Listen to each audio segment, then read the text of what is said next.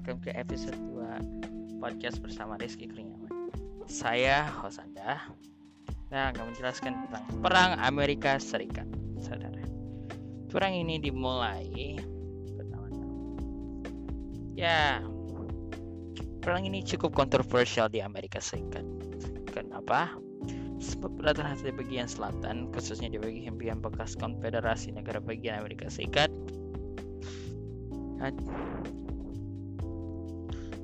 kan?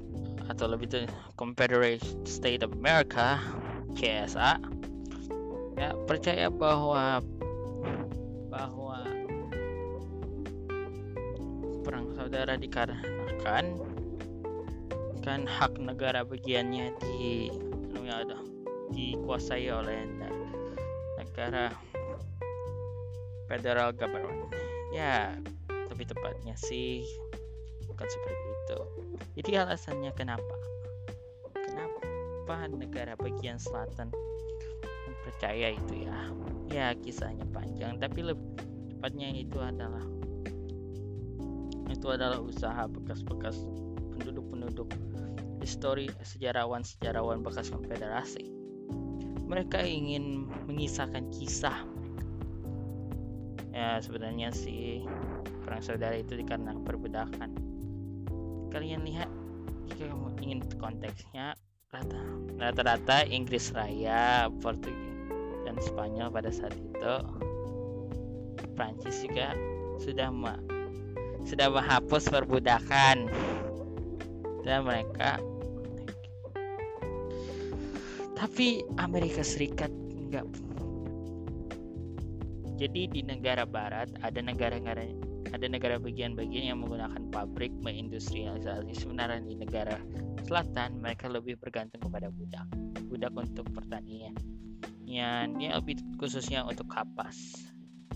Sebab setelah seseorang menciptakan mesin kapas asli yang bisa memuah ya industri kapas dan khususnya industri perbudakan sendiri telah berboom jadi rata-rata partai yang saya pada saat itu adalah partai Demokrat. Dan pada saat itu partai Republikan belum terkenal lah jika kalian tahu konteksnya ya Republikan kan Donald Trump itu masuk Republikan yang telah saat itu dipimpin oleh seseorang yang seorang Abraham Lincoln berhasil memenangkan posisi sebagai presiden Amerika Serikat. Dan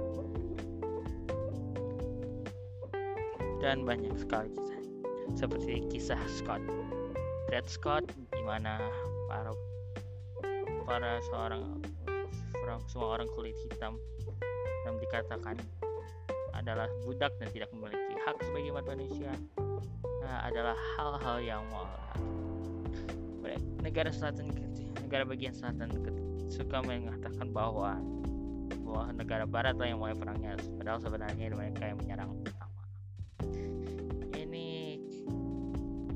perbudakan adalah hal yang cukup ngeri dan juga salah satu pendiri negara Amerika Serikat Thomas Jefferson ingin menuliskan kan menuliskan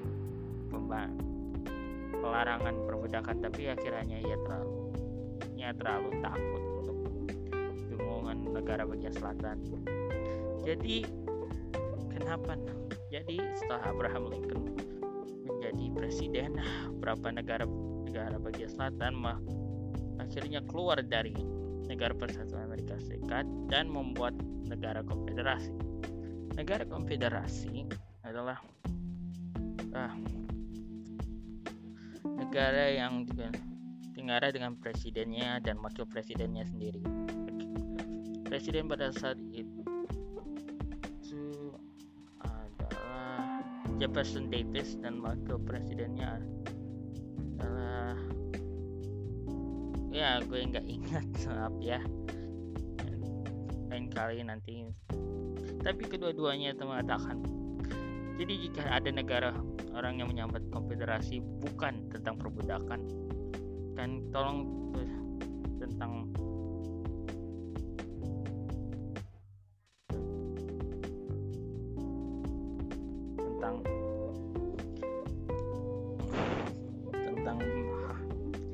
surat-surat yang ditulis oleh beberapa oleh perwakilan dari negara bagian selatan rata-rata mereka mengatakan bahwa perbudakan lah jadi masalah utama. Apa jadi kenapa perang saudara di Amerika sebab cukup lama negara bagian selatan bisa menang untuk beberapa pertarungan awalnya. Ini dikarenakan bahwa negara bagian barat lebih tepat memiliki jenderal-jenderal yang kurang cerdas. Tapi setelah itu wakil presiden di masa depan dan jenderal untuk seluruh pasukan para Union. Union adalah bagi negara bagian barat. Dan Ulysses S. Grant akhirnya menjadi pemimpin seluruh pasukan negara bagian barat bersama temannya William Tecumseh Sherman. Ya ini rata-rata. Ya mungkin kalian tahu tentang Tank Sherman. Jadi dia berdasarkan jenderal. Sebab jenderal Tank Jenderal Sherman melakukan salah satu hal yang paling ekstrim. Yang membakar seluruh yang membakar seluruh kota. Ya ya gereja-gereja nggak serangnya tapi tapi pada akhirnya negara bagian selatan pun pun menyerah dan surrender. Dan setelah itu Abraham jadi kenapa Abraham Lincoln? Ya mungkin sebab negara Inggris Raya para negara-negara Eropa lainnya ingin kapas dari negara bagian selatan negara bagian selatan memberikan mereka mungkin gak suka pada perbudakan tapi mereka suka dengan jadi ini pada akhirnya mereka biarkan perbudakan tersebut terjadi. Dan jika dan jika mereka dan jika mereka mengakui negara konfederasi akan menjadi akan menjadi masalah besar bagi mereka sebab negara konfederasi sebenarnya bukan negara asli. Mereka lebih seperti kayak pemberontakan ya. Pemberontakan dari negara bagian selatan. Dan jika kalian tahu setelah itu Abraham Lincoln memproklamasikan proklamasi emansipasi yang akhirnya membebaskan para budak di negara di mana. Dan akhirnya artikel 14 untuk undang-undang konstitusi melarang perbudakan di negara Amerika Serikat dan akhirnya Abraham Lincoln kekuatannya akhirnya membebaskan para budak. Tapi akhirnya ia ditembak oleh John Wilkes Booth. John Wilkes Booth adalah seorang simpati, seorang yang simpati terhadap negara bagian selatan, negara konfederasi, dan akhirnya berhasil membunuh Abraham Lincoln di, di di teater port ya seperti itu untuk episode 2 ini ya. Semoga bermanfaat. Bye.